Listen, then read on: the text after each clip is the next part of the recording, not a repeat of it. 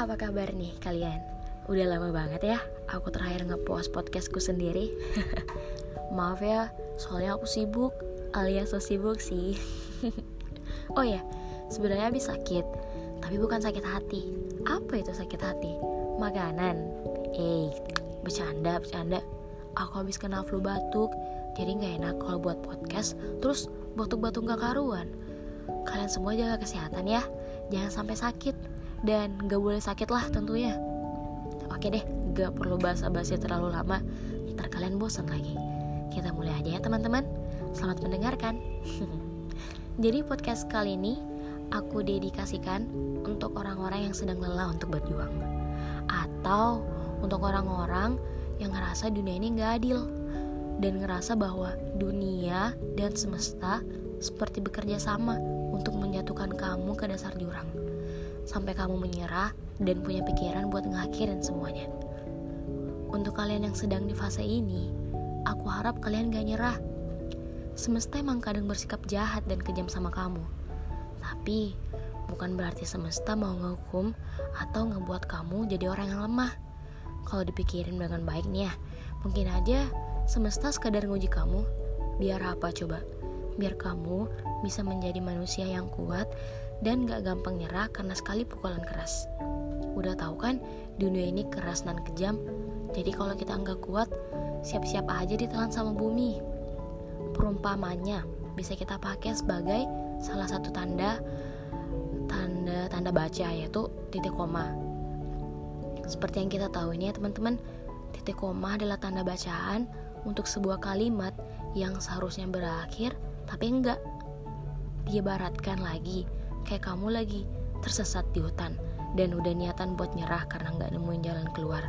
Tapi pas kamu natap lurus ke depan dengan pandangan yang baik dan pikiran positif serta keinginan besar untuk mendapatkan jalan pulang, kamu tiba-tiba aja tuh ngelihat sebuah titik tepat beberapa meter lagi di depan kamu. Jadi ya, anggap aja titik itu sebagai jalan keluar dari hutan, entah itu rumah penduduk atau enggak ya jalan besar. Jadi posisinya tuh kayak kamu udah mau nyerah. Eh, tiba-tiba malah dapat setitik harapan untuk kembali berjuang. Sama halnya dengan titik koma yang seharusnya kalimat tersebut udah berakhir, tapi karena ada koma, jadi ya tetap lanjut dong. Oh iya, pernah nih ada proyek titik koma, gagasan dari Amiel Bluel waktu tahun 2013 sekitar bulan April. Beliau mendedikasikan proyek itu untuk ayahnya yang meninggal dunia karena bunuh diri. Proyek ini dinamakan Semikolon Project, di mana banyak orang dari seluruh dunia ikut berpartisipasi dalam gerakan ini. Gerakan ini tuh orang-orang kayak ngegambar tato di lengan mereka dengan bentukan titik koma sebagai bentuk dukungan untuk orang-orang yang tergantungan sama obat narkotika yang gak punya semangat hidup yang ngerasain bahwa dia hidup gak ada gunanya atau paling parah buat mereka yang ngerasain depresi dan mau ngakhirin hidup dengan cara bunuh diri. Dengan adanya gerakan ini, mereka yang ikut serta berharap penuh bahwa gerakan ini bisa diterima dengan baik oleh para pejuang.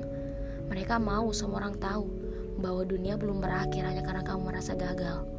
Masih banyak cerita dan perjalanan panjang yang bisa kita lewati untuk menempuh hidup yang lebih baik.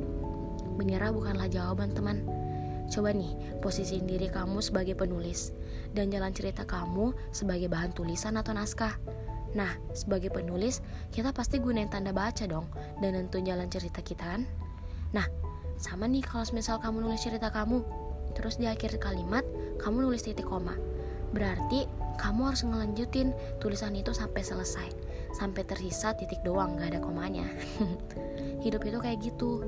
Ketika kamu udah mulai nyerah, pasti Tuhan kirim seseorang atau enggak ya sesuatu yang buat kamu kembali mau berjuang.